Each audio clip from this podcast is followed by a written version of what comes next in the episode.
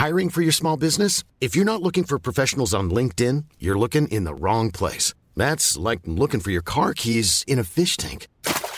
LinkedIn helps you hire professionals you can't find anywhere else, even those who aren't actively searching for a new job but might be open to the perfect role. In a given month, over 70% of LinkedIn users don't even visit other leading job sites. So start looking in the right place. With LinkedIn, you can hire professionals like a professional. Post your free job on linkedin.com slash people today.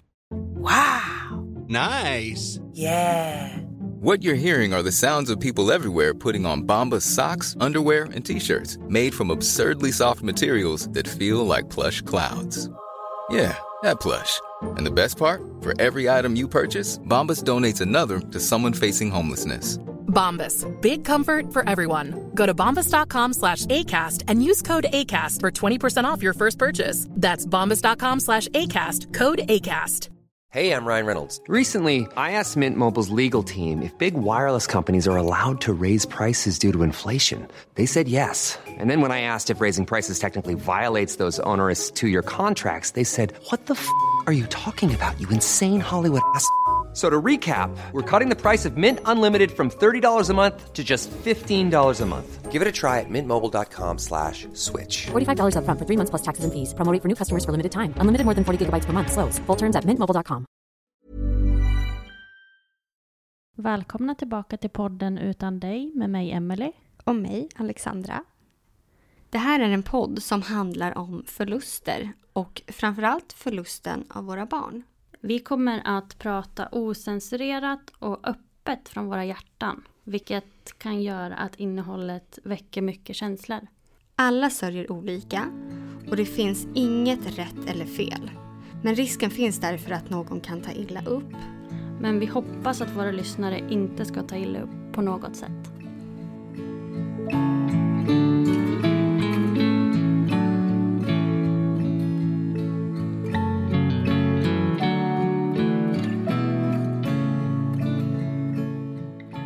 Idag har vi en gäst med oss som heter Cornelia. Och eh, vi har bjudit in dig till podden i form av att vara syster till en bror som dog. Eh, han dog väldigt nyligen. Precis. Det var här i oktober och nu när vi spelar in så är det precis i början på november. Och det är din bror Kasper. Precis. Och, eh, men jag tänker att du jättegärna skulle kunna få börja berätta lite om vem han var som person. Ja, eh, det skiljer bara inte ens två år mellan mig och Kasper. Så han var alltså 24 år, ja lite drygt 24. Han var en glad men väldigt envis kille får jag säga. Med stort jaktintresse, fotbollsintresse och ett, alltså han levde också för lantbruket skulle jag väl kunna säga. Och han eh, jobbade på min och, mor, äh, eh, min och Kaspers mormor och morfars gård. Även när olyckan inträffade. Eh, och jag vet hur mycket, han har i princip bara jobbat inom lantbruk sen han började jobba. Skulle jag väl kunna säga. För det, det var det han brann för. Framför allt, det och jakten. Han eh, bodde i ett hus mittemot min mamma med sin hund som är ett och ett halvt. Och det är också en stor del av hans liv att han skaffade den här hunden, jakthunden, för att han skulle börja jaga med henne och sådär. Eh, och eh, jaktintresset har väl kommit eh, nu de senaste åren framför allt. Vi förlorade våran styvpappa för tre år sedan. Hastigt också. Min mamma vaknade och han, då hade han tyvärr gått bort. Och det var främst efter det som Kasper fick sitt stora jaktintresse då min styrpappa var jägare också och vi är uppvuxna med min styrpappa i 19 år. Så det var väl därifrån Kasper fick det stora jaktintresset egentligen skulle jag väl kunna säga.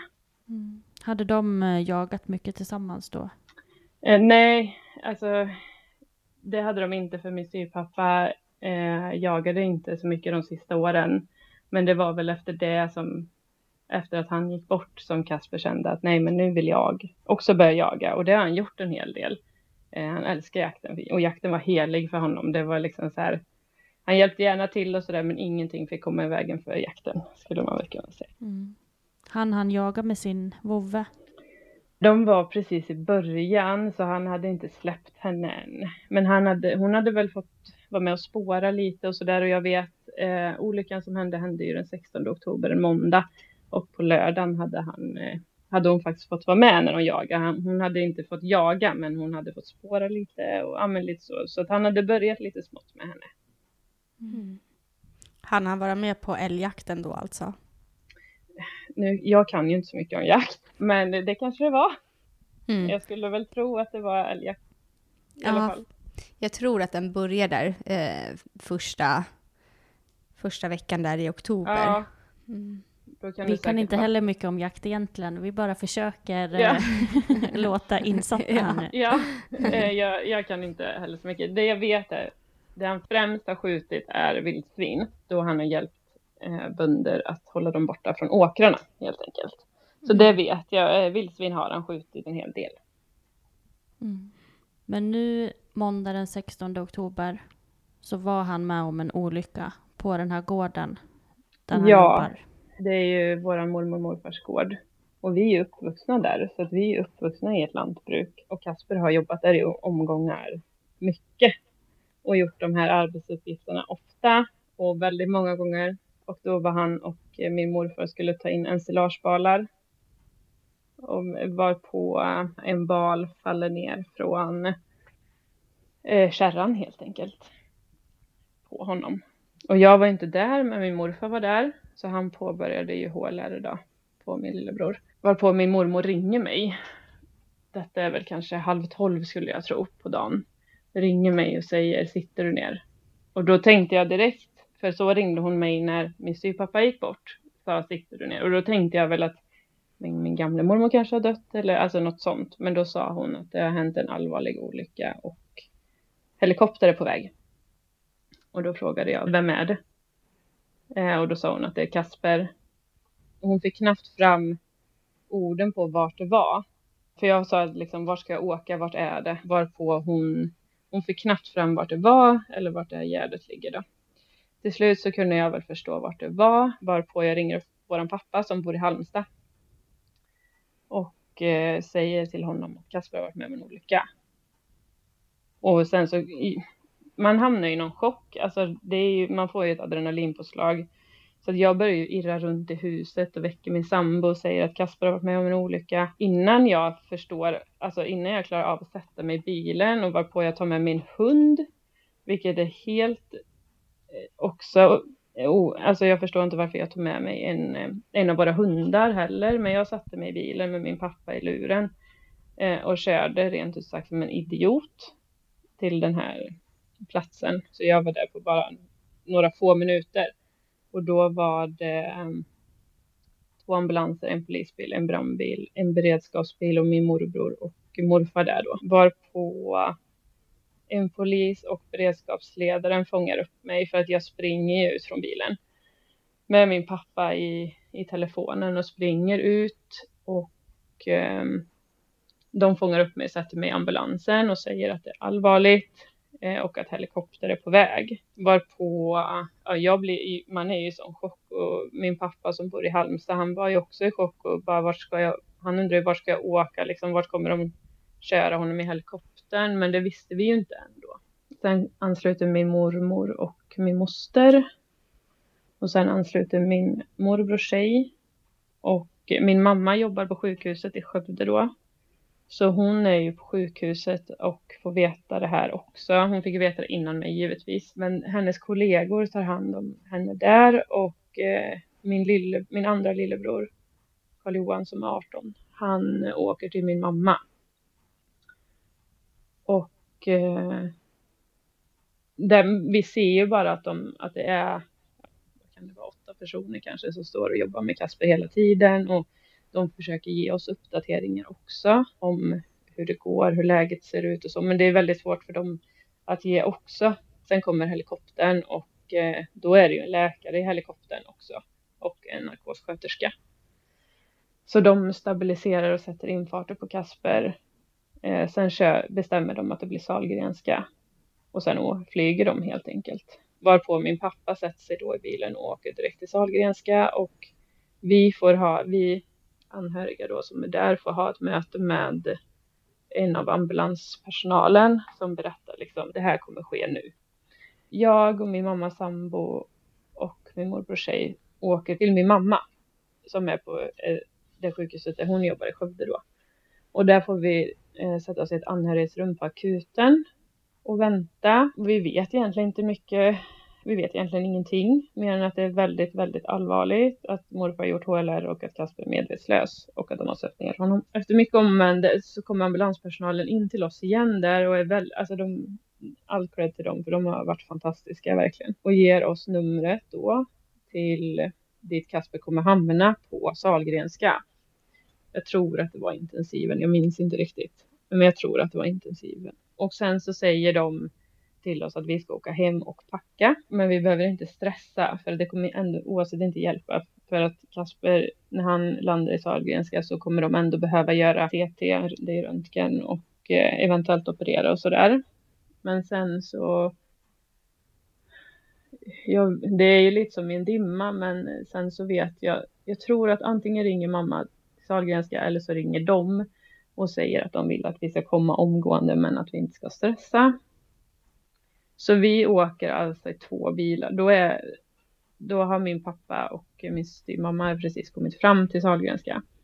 Eh, men vi åker två bilar här från Tidaholm med eh, min mormor, och morfar, moster, mamma, mammas kille och eh, morbrors tjej. Åker till Sahlgrenska och eh, det känns givetvis som den längsta bilfärden i hela ens liv. För fast att vi bara har inte ens två timmar till Sahlgrenska så det är två timmar för långt. Och våra, eh, min och Kaspers pappa ger hela tiden, eller försöker ge de uppdateringar han har eh, från Sahlgrenska, för han är ju på plats, men han får också sitta i ett anhörighetsrum på akuten väldigt länge utan att veta någonting. Så att han vet egentligen inte inte mer än oss och de ringer ju till oss också och säger när vi var på väg in fick vi väl veta att båda smalbenen är brutna på ungefär samma ställe. Eh, käkfrakturer, blödning i huvudet tror jag det var, skallfrakturer och reben. Mer än så vet vi inte och att han opererades då, opererade huvudet. Vi kommer fram jag tror nog att vi får gå in. Antingen får vi gå in till Kasper direkt eller så får vi träffa en läkare innan vi får gå in till Kasper. Oavsett så fick vi träffa en läkare då som förklarade lite mer ingående om, om skadorna och skadeläget just då. Varpå de, de säger ju direkt att det här är livshotande kritiskt och otroligt allvarligt. Det är den allvarligaste typen av skador man kan få. Eh, vi vet inte hur det här kommer gå. Typ. De har satt in ett dränage i hjärnan på honom för att kunna eh, ta bort trycket från huvudet. Trycket är ju det farliga. Vårat, vi som är friska, har ett tryck på 20 ungefär. När vi nyser så har vi ett tryck på 40 i en halv sekund. Dränaget tapp, börjar tappa efter att trycket ökat till 25 då. Vi får gå in och träffa Kasper och det är ju helt ofattbart att eh, se sin lillebror ligga i en respirator. Samtidigt som för mig var det väldigt, eh, det låter så hemskt att säga, men det är, man föreställer sig att det ska se värre ut än vad det gjorde. Skulle jag nog ändå få säga för att eh, jag tyckte att det var väldigt fint, fast att det var slangar, mediciner och sladdar och maskiner överallt. Varpå vi är alltså hela familjen nästan där. Senare på kvällen så åker min styvmamma hem, men alla andra är kvar. Och eh, jag minns det så väl att då ska min morbror tjej åka hem för det är ju hon som har skjutsat oss för att vi inte skulle köra själva. Och då ska jag följa henne ut till bilen, eller följer jag och mormor för henne ut till bilen. Då um, ringer de och säger att Kaspers tryck i huvudet har ökat. Och då blir, alltså det blir ju i princip som att det Alltså jag vänder mig bara om och springer in igen och springer upp fast det är mitt i natten. Och så höll det på i några dagar. De, de stänger det här dränaget en gång i timmen. För han var på centralintensiven och det, det är intensiven för multitrauman. Eh, kan man väl säga. Och eh, de det, alltså personalen där är verkligen fantastiska. Och där stänger man dränaget för att mäta det riktiga trycket i hjärnan en gång i timmen. Det Gör man på centralintensiven. Och det är det trycket man utgår ifrån. Så att då hade det ökat så de tog honom på en akut-CT igen mitt i natten. Även dagen efter gjorde de samma sak. Jag minns inte om det var någon mer gång. På tisdagen där fick vi träffa neurokirurger, flera stycken, varpå den ena var en, det märktes på honom att det är en, en läkare med otroligt stor kunskap, men han ville inte ge oss något hopp överhuvudtaget, utan han var väldigt tydlig och sa i princip att det här kommer inte gå. Och då blir man ju såklart helt förkrossad. För det är väldigt svårt att ta in att de säger att ja, men, han kommer inte klara detta samtidigt som man vet att han ligger där inne och lever. Så det, det var verkligen en tuff tid för mig och eh, eh min mamma och eh, min pappa såklart. Att vara där inne och dras mellan hopp och förtvivlan hela tiden men att samtidigt i bakhuvudet veta att de sa ju till oss att skulle han klara det här så är det ett mirakel. Då har det skett ett under. Och eh, men de sa också att vi kan inte säga att han inte kommer klara det här för att det är biologi och man vet inte. Men det ser verkligen inte bra ut. Så då, just där och då, då var det det här dränaget och respiratorn som egentligen hjälpte han att leva? Ja, ja. Eh, alltså de sövde ju ner honom redan i ambulansen och i ambulanshelikoptern. Så att han låg ju nedsövd hela tiden. Och så det är ju egentligen det som hjälpte honom att, eh, att leva, eh, framförallt dränaget skulle jag vilja säga. Det man, det, de ville göra en MR också. Men en MR, då måste man ligga helt plant i minst 30 minuter, ofta en timme. Och Kasper kunde inte ligga helt plant för att då ökar trycket i huvudet. Utan han låg liksom lite upp, upprätt med ryggen liksom. Så det, de försökte hela tiden stabilisera för att de ville göra en MR. För på en MR så kan man se om heter det hjärnstammen eller hjärnbalken, hjärnstammen eh, är skadad och det är ju den som eh, ehm, reglerar vakenhet och andning bland annat. Så det är ju den som gör om, man, om han hade kunnat vakna igen till exempel eller kunna andas själv. Och det ser man inte helt på en CT. Men på onsdagen så får han äntligen en plats på neurointensiven. Så då eh, blir han flyttad ner till neurointensiven. Och där, central-IV är fantastiska. Men på neurointensiven, det är ju Alltså de besitter så jädra stor kompetens alltså och de gjorde allt för Kasper. Precis allt. Och de var så, alltså all, all personal på båda intensivvårdsavdelningen var fantastiska mot oss anhöriga. De fixade så att vi fick sova. Eh, det fanns en ledig sal inne på intensiven varpå vi, jag och mamma fick sova där. De fixade anhörighetsrum som fanns i källaren. Vi fick sova i väntrummet. Jag menar, vi var, vi snittade väl oftast mellan sju till tio personer där. Så att de var verkligen fantastiska. Men på Neuro-IVA så var det, där är det, de var väldigt inkluderande där och fast att de kanske gjorde undersökningar på Kasper och så, så sa de liksom att vi fick vara kvar och inne hos honom. Inför vi var i princip inne hos honom nästan dygnets alla timmar förutom några timmar på natten. Och där man en del av en blev ju glad för att han blev flyttad till Neuroiva för att då tänkte man att men då ger de honom ändå en chans för det finns inte alls många platser på neurointensiven. Inte alls många, verkligen inte många och med tanke på att jag tänkte att okej okay, men om de väljer att flytta ner honom dit så kanske det finns ett hopp. Men man förstod samtidigt hur illa det faktiskt var och vi sov i princip ingenting. Första natten sov vi en halvtimme i väntrummet. Andra natten sov jag tre timmar tror jag. Så att och att sova på ett sjukhus som jag då som sov i väntrummet ena natten, det tänds det så fort någon rör sig och man vaknar i panik så fort telefonen ringer eller så fort en dörr öppnas för att man tänker då att någon ska ringa och säga att det har hänt någonting som min, när jag ringde min mamma eh, hon, då kanske hon var nere och åt och hon svarade liksom med att börja gråta för att hon och frågade direkt eh, vad har hänt, vad har hänt? Och det är verkligen hemskt att se sina föräldrar så, alltså, så förstörda fast att jag också var det. På torsdagen så väljer jag att åka hem. För då säger jag att om jag åker hem och sover hemma i natt, då har jag sovit där från måndagen. Men ring bara mig om jag behöver komma in. Ring inte och väck mig för någonting som ni inte tycker är relevant för mig att hålla mig vaken för på natten. Ring bara om jag behöver komma in, sa jag. Jag åkte hem. Eh, mamma ringer och väcker mig fredag morgon, kvart över sex på morgonen. Och säger då trycket har ökat.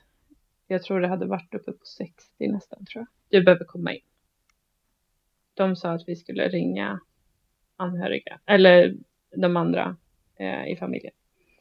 Varpå ja, men jag eh, packar ner lite och eh, åker, åker in helt enkelt. Och det är också hemskt att veta att eh, de säger att vi, eh, vi som var hemma, mamma och pappa var ju där hela tiden, men vi som är hemma behöver komma in. Varpå jag också får veta att min mormor, som också var där på torsdag kväll när jag var hemma, har svimmat inne hos Kasper och låg inlagd på akuten på Sahlgrenska. För att då visade det sig att hennes njurvärden var dåliga och eh, ja, men uttorkning, man har varit ledsen och in, inte ätit bra och sådär. Eh, så hon ligger inlagd på akuten. Jag kom fram till Sahlgrenska. Efter några timmar så får jag jag, jag kan tillägga att jag är helsyster med Kasper. Sen har jag och Kasper tre halvbröder också. Två på min pappas sida och en på min mammas sida. Jag, mamma, pappa, pappas fru och mammas kille eh, får träffa två neurokirurger och en narkosläkare. Varpå de berättar då att eh, vården kommer avslutas och det är ju en känsla som inte går att beskriva Att veta att vården kommer avslutas. Eh, men de, de satt med oss länge, länge och förklarade och svarade på alla våra frågor. De var, speciellt ena läkaren, otroligt, eh, alltså otroligt, otroligt fin med oss. Och eh, verkligen förklarade hur allting går till, för då blir man ju automatiskt så här, vad menar ni med att avsluta vården? För att det man vet, har man inte varit med om något sånt här så tänker man att man drar ur respiratorn med en sladd. Eh, det gör man ju inte. Utan man tar ju bort mediciner och ja, sådär. Och då blir man ju lite så här, men om ni ska ta bort medicinerna, kom, tänk om han vaknar då eller tänk om han har ont. Men de försäkrade oss eh, att eh, det kan inte ske. Utan han är så pass djupt medvetslös i sig själv och han har inte känt någon smärta överhuvudtaget och han har varit så djupt medvetslös i sig själv. De svarar på alla våra frågor och sen så går de. Men en sköterska är kvar med oss. Och eh, hon ringer sen kuratorn och narkosläkaren som var med kommer tillbaka för att han erbjuder sig att även vara med och berätta för de andra i vår familj, alltså mormor, morfar, farmor och två av våra halvbröder, min moster, ja sådär. Så han eh, berättar igen då, oftast för dem när vi är med. Och det tycker jag är väldigt fint att han avsätter sin tid för att hjälpa oss med det, för att vi ska slippa berätta. Det är verkligen jätte, jättefint gjort. Och sen den fredagen så är det ju nästan som att Ja men det är, ju, det är helt sjukt att eh, man sitter där inne hos Kasper och vet att han kommer dö. Det är, det är helt, eh, helt sjukt att det är så. Var på, på fredag kväll så känner jag min morbror och eh, hans tjej kommer tillbaka och eh, hans tjej och jag är väldigt nära vänner. Så jag gick ut med henne och då sa jag på kvällen där att eh, jag Kasper är redan hjärndöd. Jag känner det. Jag känner verkligen att han, han är inte där längre fast att respiratorn är igång. Han är redan hjärndöd. Och eh, morgonen, och sen åkte jag hem igen. För att när man, då vet man, någonstans så blir det som att då kan jag inte få några samtal mitt i natten om att jag behöver komma in. Utan man vet vad som kommer ske så då kände jag att då åker jag hem. Sen åkte jag tillbaka morgonen efter. Förmiddagen efter åkte jag tillbaka med mormor och morfar. Och eh, då hade de redan påbörjat lite undersökningar för att konstatera honom död. Och eh, för man konstaterar ju någon hjärndöd fast att den ligger i respirator. Eh, eller ja, man konstaterar någon död när den är hjärndöd helt enkelt, fast att den ligger i respirator. Och mamma och pappa hade ett möte med en donationskoordinator. Och eh, vi, vi hade sagt hela veckan, hade vi pratat lite om organdonation och sådär. Och vi hade sagt hela tiden att vi tror att det är någonting Kasper hade velat. För att hade det varit jag eller mamma som låg där och behövde ett, ett nytt hjärta eller en ny njure så hade Kasper gjort allt för att vi skulle få det. Så mamma och pappa beslutade sig om det för att vi trodde att det var det Kasper hade velat. Och då påbörjas ytterligare undersökningar för det blir röntgen av organ och eh, så gör de även en speciell röntgen för att konstatera hjärndödhet vilket de gjorde 21 oktober 1454. Och sen så måste de börja söka efter mottagare för organen helt enkelt. Och då, han låg ju fortfarande i respirator då, för det behöver man göra om man ska donera organ. Fast att han var konstaterad död. Men det, jag tycker ändå att det är fint för att fast att han är konstaterad död så är han varm. Det ser ut som att han andas på grund av att han har respirator. Eh, han är inte stel. Och det tycker jag var fint. Eh, att ändå kunna liksom få ett ordentligt avsked för mig att det inte är någonting som stressas fram. Den natten sov jag där, lördag till söndag. Och natten där donerade han sina organ helt enkelt. Och sen på söndagen runt lunch så fick vi ta ytterligare ett avsked av Kasper utan respirator i ett jättefint avskedsrum på neurointensiven.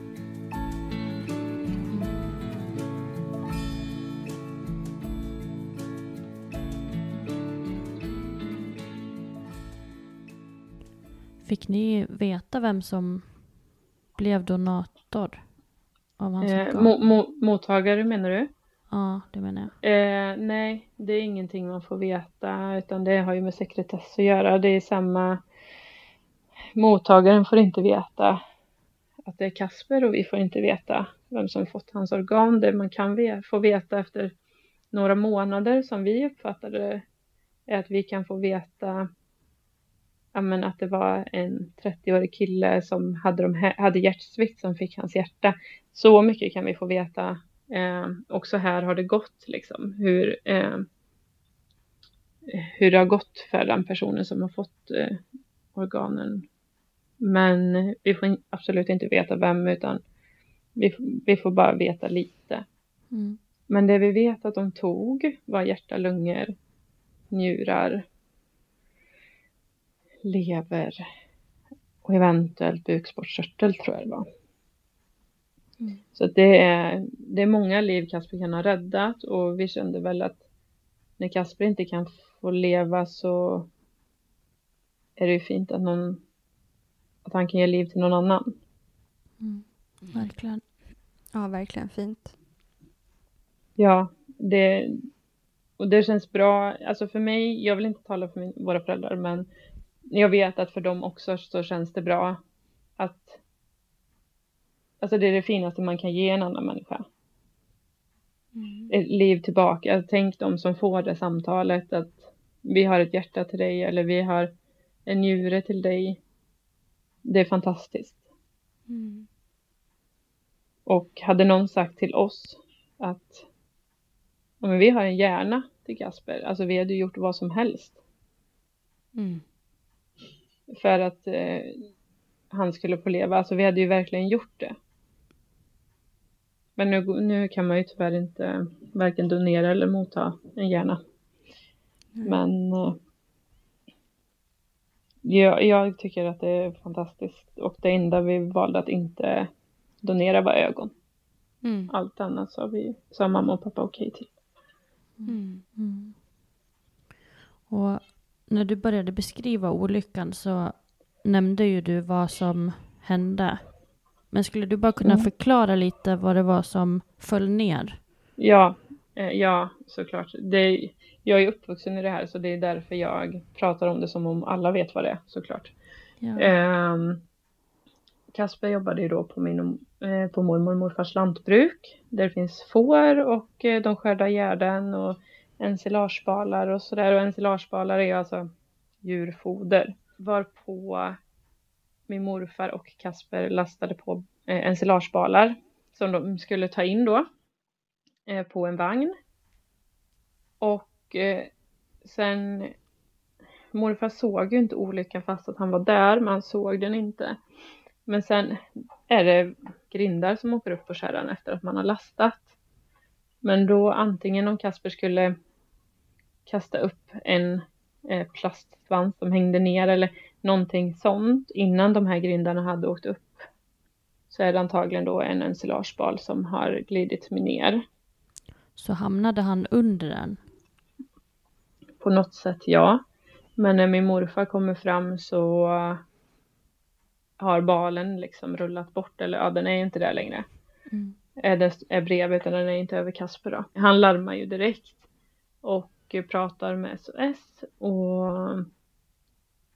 de instruerar honom att påbörja HLR. Så han gör det och min morfar är över 70 år gammal men han eh, gör HLR tills ambulanspersonal är framme.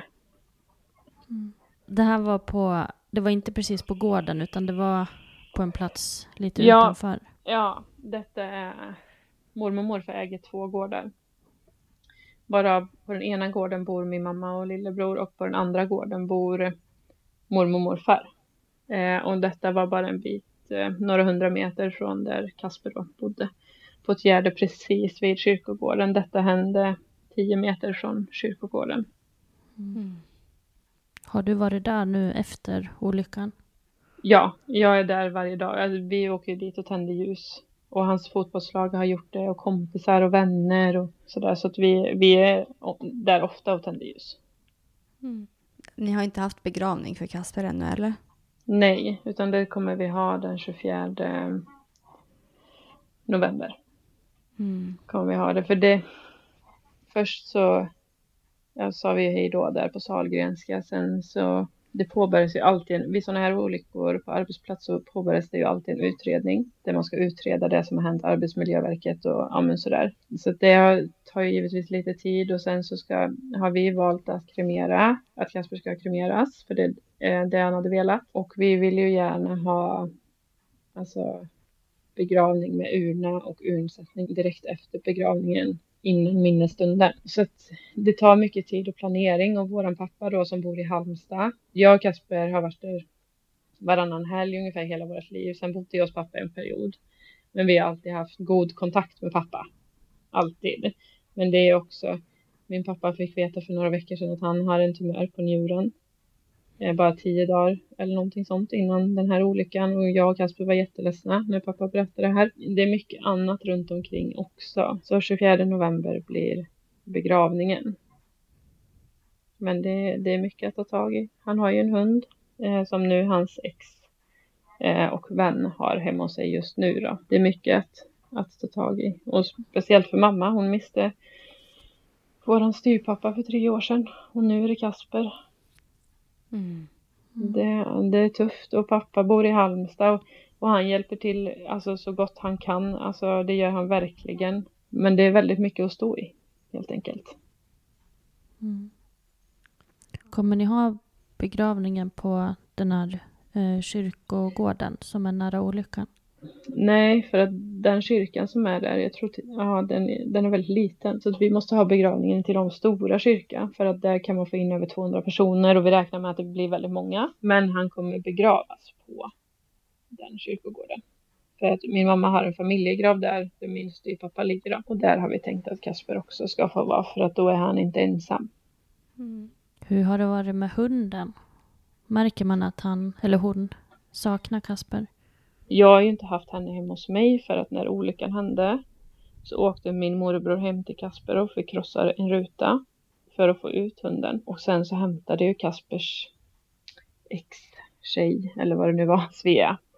Och eh, har haft Svea sedan dess. Men hon sa där efter någon vecka tror jag det var att Svea blev väldigt skällig och sådär. Och att det känns som att det är, det känns som att det är någonting hon saknar. Liksom. Och de har ju också varit på olycksplatsen och tänt ljus och sådär. Och det var väl främst efter det hon blev skällig. Men man vet inte. Alltså hundar förstår nog mer än vad man tror egentligen, tror jag. Mm. Mm. Men det är klart, hon har ju förlorat sin husse. Kasper bodde ju med henne. Mm. Hey, it's Danny Pellegrino from Everything Iconic. Ready to upgrade your style game without blowing your budget? Check out Quince. They've got all the good stuff shirts and polos, activewear, and fine leather goods, all at 50 to 80% less than other high end brands. And the best part? They're all about safe, ethical, and responsible manufacturing. Get that luxury vibe without the luxury price tag. Hit up quince.com slash upgrade for free shipping and 365 day returns on your next order. That's quince.com slash upgrade. I'm Sandra, and I'm just the professional your small business was looking for. But you didn't hire me because you didn't use LinkedIn jobs. LinkedIn has professionals you can't find anywhere else, including those who aren't actively looking for a new job but might be open to the perfect role, like me. In a given month, over 70% of LinkedIn users don't visit other leading job sites. So if you're not looking on LinkedIn, you'll miss out on great candidates like Sandra. Start hiring professionals like a professional. Post your free job on linkedin.com/people today. Och nu när vi spelar in det här så är det ju... Det har ju inte ens gått en månad. Nej. Det, och det är egentligen helt galet hur, hur mycket olika känslor som eh, man kan känna. Och det, jag skrev ju ett inlägg för ett tag sedan att man tror att man vet vad sorg är. För att jag trodde jag visste det för att min styvpappa gick bort för tre år sedan. Men jag hade ingen aning. Det går inte, det går inte att beskriva om man är arg, om man är ledsen. Och vissa stunder så blir man glad eh, och får dåligt samvete för att man är glad. Eh, det är verkligen det enda som jag känner hela tiden är att det är fruktansvärt orättvist. Mm. Det, och att många kommenterar väldigt dumt. De menar inget illa, jag förstår det själv. Men folk uttrycker sig väldigt dumt utan att tänka. Och det påverkar mig, jag är en känslomänniska. Och eh, blir lätt ledsen eller arg. Speciellt i sådana här situationer, för det är min lillebror. Och då, alltså det är klart jag skyddar honom och kan han inte, han kan inte prata för sig. Då får ju jag göra det, alltså så är det ju. Och det tar också mycket på krafterna att, ja men att ta emot all, ja, både all kärlek och folk som kanske inte har talets förmåga eller Mm. så det, det är tufft. Har du något exempel på vad det skulle kunna vara för, för något som de har sagt? Det var någon som skrev eh, Jag be- beklagar, jag vet hur det känns, jag fick avliva min katt igår. Mm. Till exempel. Mm. Eh, varpå sånt reagerar jag på för att det går inte att eh, jämföra. Och jag vet, det är jättehemskt att förlora ett djur. Jag är, alltså jag är uppfödare och eh, jag har också förlorat katter och det är jättehemskt men det går inte att jämföra. Nej. Eller någon som skrev under tiden Kasper låg i respirator. Jag vet hur det är. Min lilla syster har också legat i respirator och kämpat för sitt liv. Hon mår bra idag. Mm. Mm. Ehm, eller någon annan som också skriver Åh, jag beklagar. Jag har också förlorat en nära anhörig. Min morfar eh, gick bort förra veckan. Mm. Alltså, det är fruktansvärt hemskt. Men att lägga sin egen sorg i någon annans sorg, det är fel. Mm. Det är fruktansvärt fel tycker jag. Och jag tycker det är jättehemskt att eh, andra människor förlorar mormor, morfar, katt, hund, vad det än är. Men man gör, jag skulle aldrig lägga min sorg i någon annans. Mm. För det är, eh, det är inte, nej jag tycker att det är fel att man gör det. Sen så är det väl vissa som har skrivit, och så tragiskt sånt får inte hända och ja, sådana grejer och det kan givetvis också provocera mig lite för att jag säger bara Kasper gjorde sitt jobb för att alltså Sveriges befolkning skulle ha mat på bordet. Mm. han gjorde det han älskade. Nej, sånt ska inte hända och det är jättehemskt att det händer. Det är jätte, jätte, jättehemskt, verkligen. Och jag är, det är fruktansvärt det här. Men jag kanske hade sett annorlunda på det om jag inte var uppvuxen i det. Mm. Ja, för det känns då som att det blir kritik mot själva yrket och så också, eller? Ja, jag upplever det så, fast att folk säkert inte menar så. Mm. Mm. Och Kasper gjorde det han älskade in i det sista. Han älskade det här och han på frukosten, han åt ju frukost med mormor och morfar varje dag på jobbet. Så på frukosten en timme innan så hade han och morfar suttit och pratat om vilken traktor de skulle köpa härnäst. Alltså han brann verkligen för det här. Mm. Han gjorde det. Det måste också kännas, alltså det i allt det här fruktansvärda måste ändå kännas fint på något sätt att, att Ja. han fick göra det han älskade. För mig känns det väldigt fint. Eh, och, eh, och det här med att de har sagt att han har inte känt någon smärta. Mm. Sen där, han blev djupt medvetslös direkt när det här hände. Mm. Så att det sista han antagligen minns är att eh, han, han gjorde sitt jobb med det han gillade. Mm. Sen är det fruktansvärt för oss anhöriga. Alltså en 24-åring ska inte dö, alltså oavsett hur den dör. Alltså det ska inte ske, Nej. såklart. Och det här tar tufft på, på alla inblandade. Alltså mormor och morfar. Vi, jag och Kasper, alltså vi har varit hos mormor och morfar flera gånger i veckan sedan vi föddes. Mm. De är som vår mamma och pappa också. Så det tar skithårt på oss och vi är en sån sammansvetsad familj. Antagligen mer än andra, eller vad jag märker i alla fall när jag pratar med mina vänner och sådär. Alltså vi firar allt som går att fira, vi umgås hela tiden och hittar på saker. Och till exempel som nu igår, då ringde morfar och sa att han skulle bjuda på frukost på lördag. Så att då ska det bli 15 personer för att morfar ska bjuda på frukost. Alltså Mm. vi är en väldigt, väldigt tajt familj och det gör också att det tar väldigt hårt på oss. Mm. Ehm, sen så är vi en tajt familj hemma hos pappa också. Men ja, pappa bor ju som sagt tre timmar härifrån men han, han gör verk, verkligen, verkligen eh, så gott han kan och är en, nära både mig och Kasper också. Eh, och vi pratar ju med pappa flera gånger i veckan. Fast att nu när vi har blivit vuxna att vi kanske inte ses så ofta för att jag jobbar, Kasper jobbar och pappa jobbar och mina två halvbröder hos, eh, hos pappa är, är fortfarande små liksom, eller unga. Så att vi, vi har väldigt bra kontakt med, eh, med dem också. Men här, vi som bor i Tidaholm är liksom, ja men, de är mina, min familj är mina bästa vänner och så är det. Och så har det alltid varit. Mm.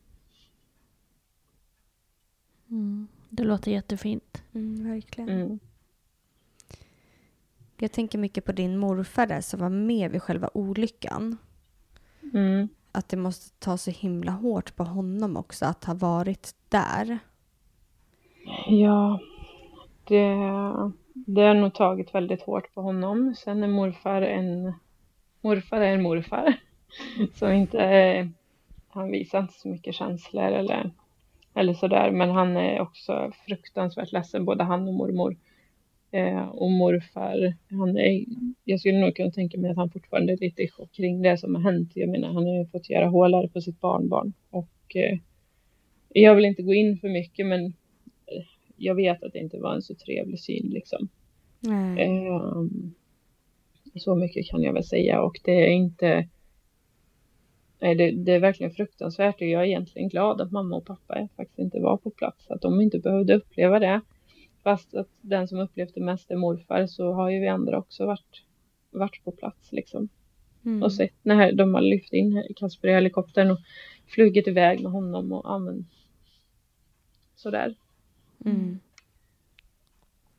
Och den här olyckan blev ju också en nyhet som det skrevs om i media. Mm. Hur kändes det? Jag, eh, jag brukar säga, eller jag tycker att eh, Kasper ska hyllas på alla sätt som går för att han är värd det. Han är verkligen värd att hyllas på alla sätt som går och Sen så är det automatiskt så fort det går ut i media så kommer ju också kommentarer från folk man inte känner och det är troll och som uttrycker sig dumt och sådär. Eh, och det är väl jobbigt för mig för att jag, blir, jag går in i försvarsläge gentemot min bror. Eh, fast att folk folk är dumma på nätet helt enkelt. Men annars så jag tycker att Kasper ska hyllas för den personen han var och speciellt det här med organdonationen, hur, hur viktigt det är att man, att man pratar med varandra och sina nära och kära om vad man vill göra. För man, man vet aldrig när en, en olycka sker och det, man ska aldrig ta varandra för givet och det är verkligen någonting jag har lärt mig efter det här. Mm. Mm. Minns du vad det sista ni sa till varandra var? Ja, vi träffades eh, söndag kväll, alltså inte ens ett dygn innan det här hände. Och eh, han var på väg för att spela fotbollsmatch och han köpte Monster. Alltså Tidaholm är en väldigt liten stad så man stöter ju på varandra lite titt som tätt. Så då gjorde vi det och då pratade vi om att han hade jagat dagen innan och han skulle spela fotbollsmatch och eh, att vi skulle börja spåra med våra hundar tillsammans. För han skulle fixa klövar till mig. Så vi kunde börja med viltspår. Det var det sista eh, jag och Kasper sa till varandra. Mm. Tänker du att det är något speciellt? Och nu är ju det här som sagt väldigt nytt, men jag funderar ändå så här, är det något speciellt som du kommer göra för att hedra han? Jag har ju redan anmält mig då till donationsregistret. Gjorde jag förra veckan. Men det finns så många, alltså det jag har sagt och känt är att jag vill aldrig att någon ska glömma Kasper liksom. För att jag vet själv hur det är. Min mormors pappa gick också bort i en arbetsplatsolycka när han var 54 inom lantbruket också. Och eh, det är ingen jag minns om, fast att jag minns någonting av egentligen.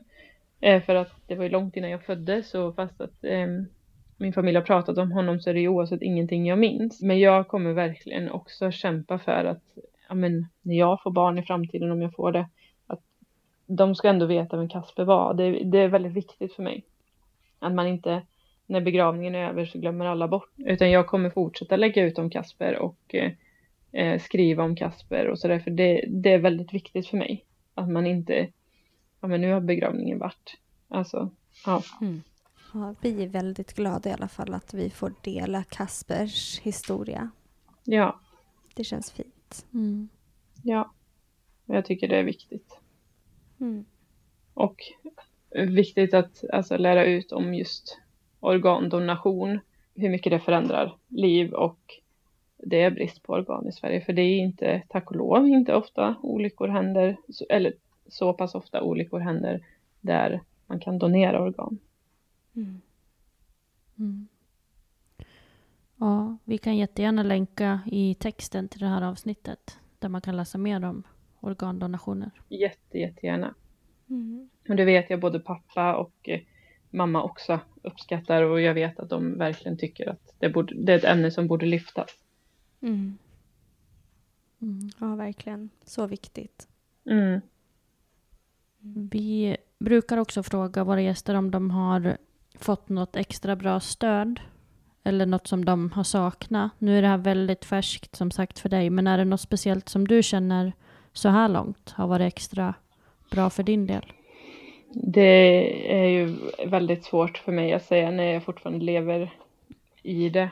Men det, det som jag tycker är skönt är att, att mina vänner, de låter mig avgöra om jag vill ses eller vill prata. Och vill jag göra det så bjuder de indirekt till det. Men de accepterar också om jag inte vill det, om jag bara dyker upp utan att prata om det. Samtidigt som jag är en människa som behöver få älta. Jag behöver få prata och prata och prata. Eh, och de tar det, fast jag säger samma sak tio gånger om så tar de ändå det.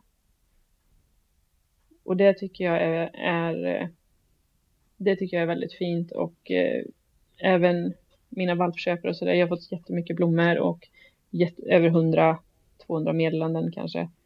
Och det är fint att se att man har så många människor runt sig faktiskt. Mm.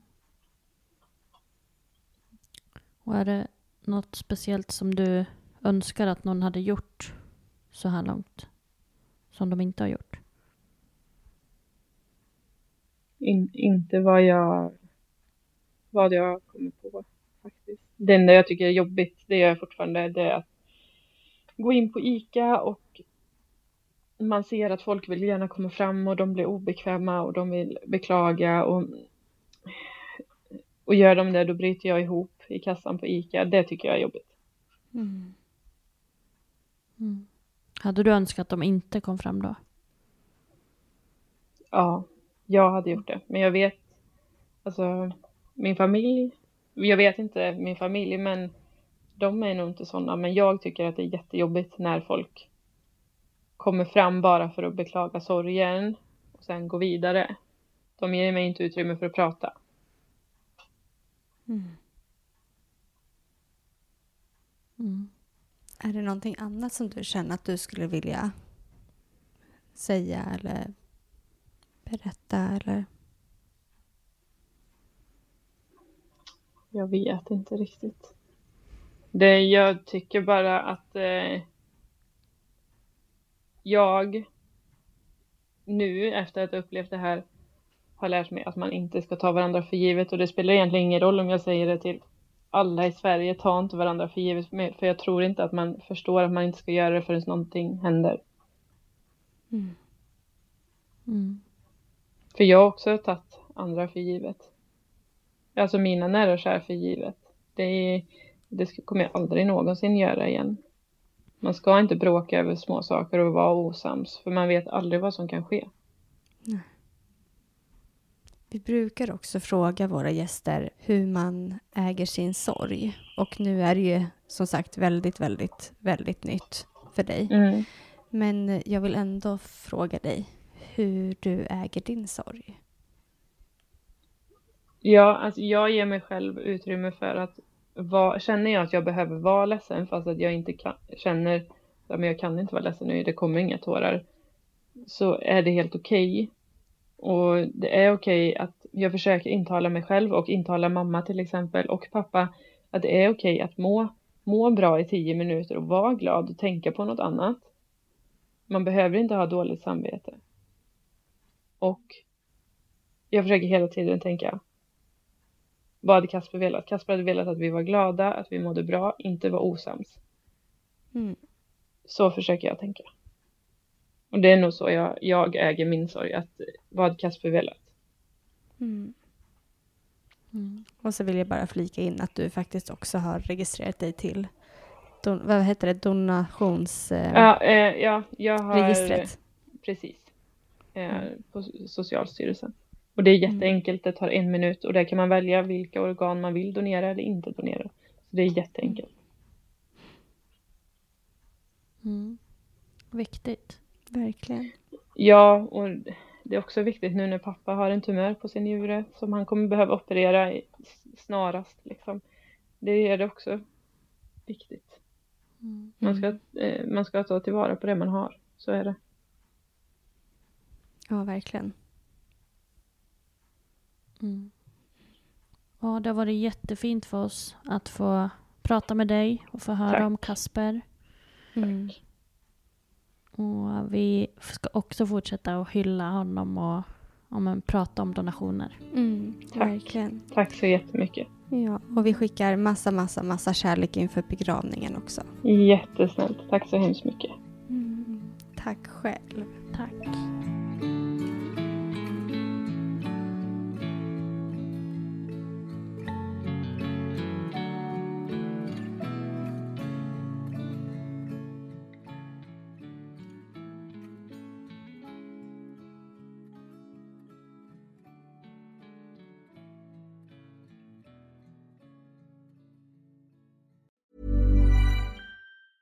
Hi, I'm Daniel, founder of Pretty Litter. Did you know cats tend to hide symptoms of sickness and pain? I learned this the hard way after losing my cat, Gingy. So I created Pretty Litter, a health monitoring litter that helps detect early signs of illness by changing colors, saving you money and potentially your cat's life. Pretty Litter is veterinarian developed, and it's the easiest way to keep tabs on your fur baby's health right at home. Go to prettylitter.com and use code ACAST for 20% off your first order and a free cat toy. Terms and conditions apply. See site for details.